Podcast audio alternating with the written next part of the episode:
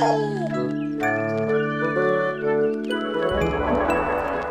Famcos, now you're listening to iPod. Ya, Kakak.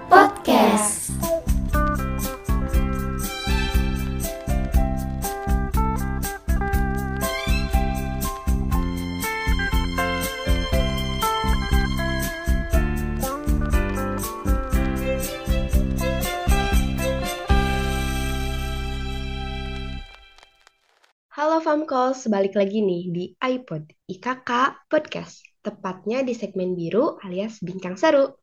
Di sini kita bakal ngebahas berbagai topik nih teman-teman, mulai dari masalah sehari-hari sampai isu-isu seputar keluarga, anak, dan konsumen. Kenalin, aku Mila dari IKK 58. Hari ini aku mau ngomongin sesuatu nih, pastinya udah gak asing bagi teman-teman. Karena hal ini tuh sangat berarti bagi kehidupan kita. Yap, bener banget, yaitu mengenai sahabat. Tahu gak sih, kalau tanggal 30 Juli diperingati sebagai Hari Sahabat Internasional, Hari Sahabat Seluruh Dunia. Karena kali ini topiknya mengenai sahabat, aku mau sedikit sharing momen paling berharga bareng sama sahabat aku. Di mana aku bisa kumpul bareng di suatu tempat, terus kita cerita-cerita tentang kehidupan kita, ataupun hal random yang bikin kita istirahat sejenak, melupakan segala keruwetan di hidup kita masing-masing, dan itu tuh jadi tempat evaluasi diri bagi aku.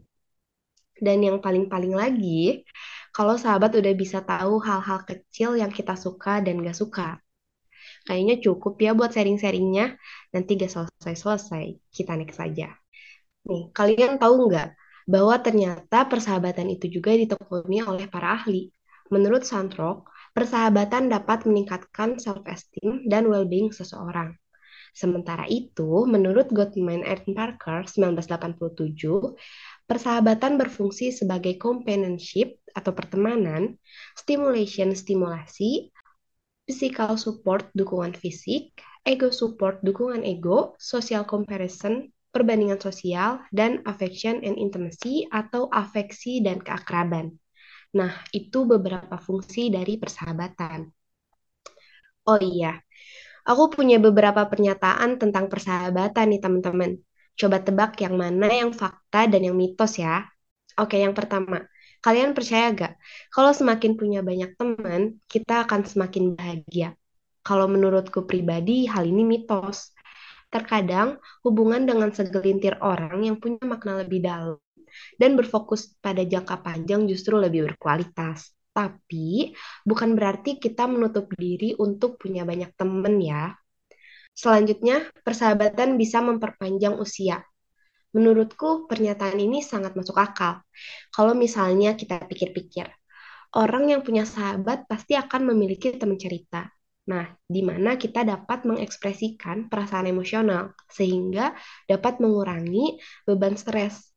Maka dari itu, jika kita bebas dari stres, psychological well-being kita akan sehat, sehingga kesehatan fisik kita juga akan terjaga.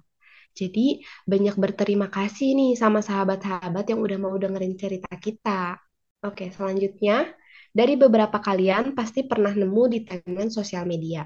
Kalau persahabatan yang berlangsung selama lebih dari tujuh tahun akan awet seumur hidup. Ternyata hal ini tuh bener loh teman-teman sudah terbukti dari penelitian yang dilakukan sosiologis dari Universitas Utrecht, Belanda.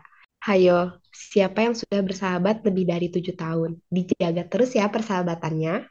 Oh iya teman-teman, kalian pernah gak dikecewain sama sahabat kalian? Apa kalian percaya kalau sahabat baik tidak akan mengecewakan? Ya, sayangnya hal ini mitos ya teman-teman. Tidak menutup kemungkinan kalau sahabat bisa bikin kita kecewa entah mungkin dari ekspektasi yang kita buat atau lingkungan sekitar kita.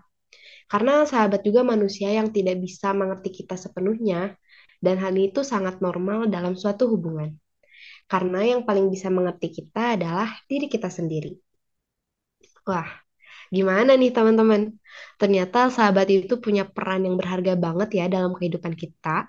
Apa pun mitos dan faktanya, kita perlu menjaga persahabatan dengan sebaik-baiknya biar bagaimanapun mereka lah orang yang selalu hadir untuk kita dalam keadaan apa pun, baik saat senang maupun sedih. Sekian dari aku, selamat hari persahabatan sedunia semuanya.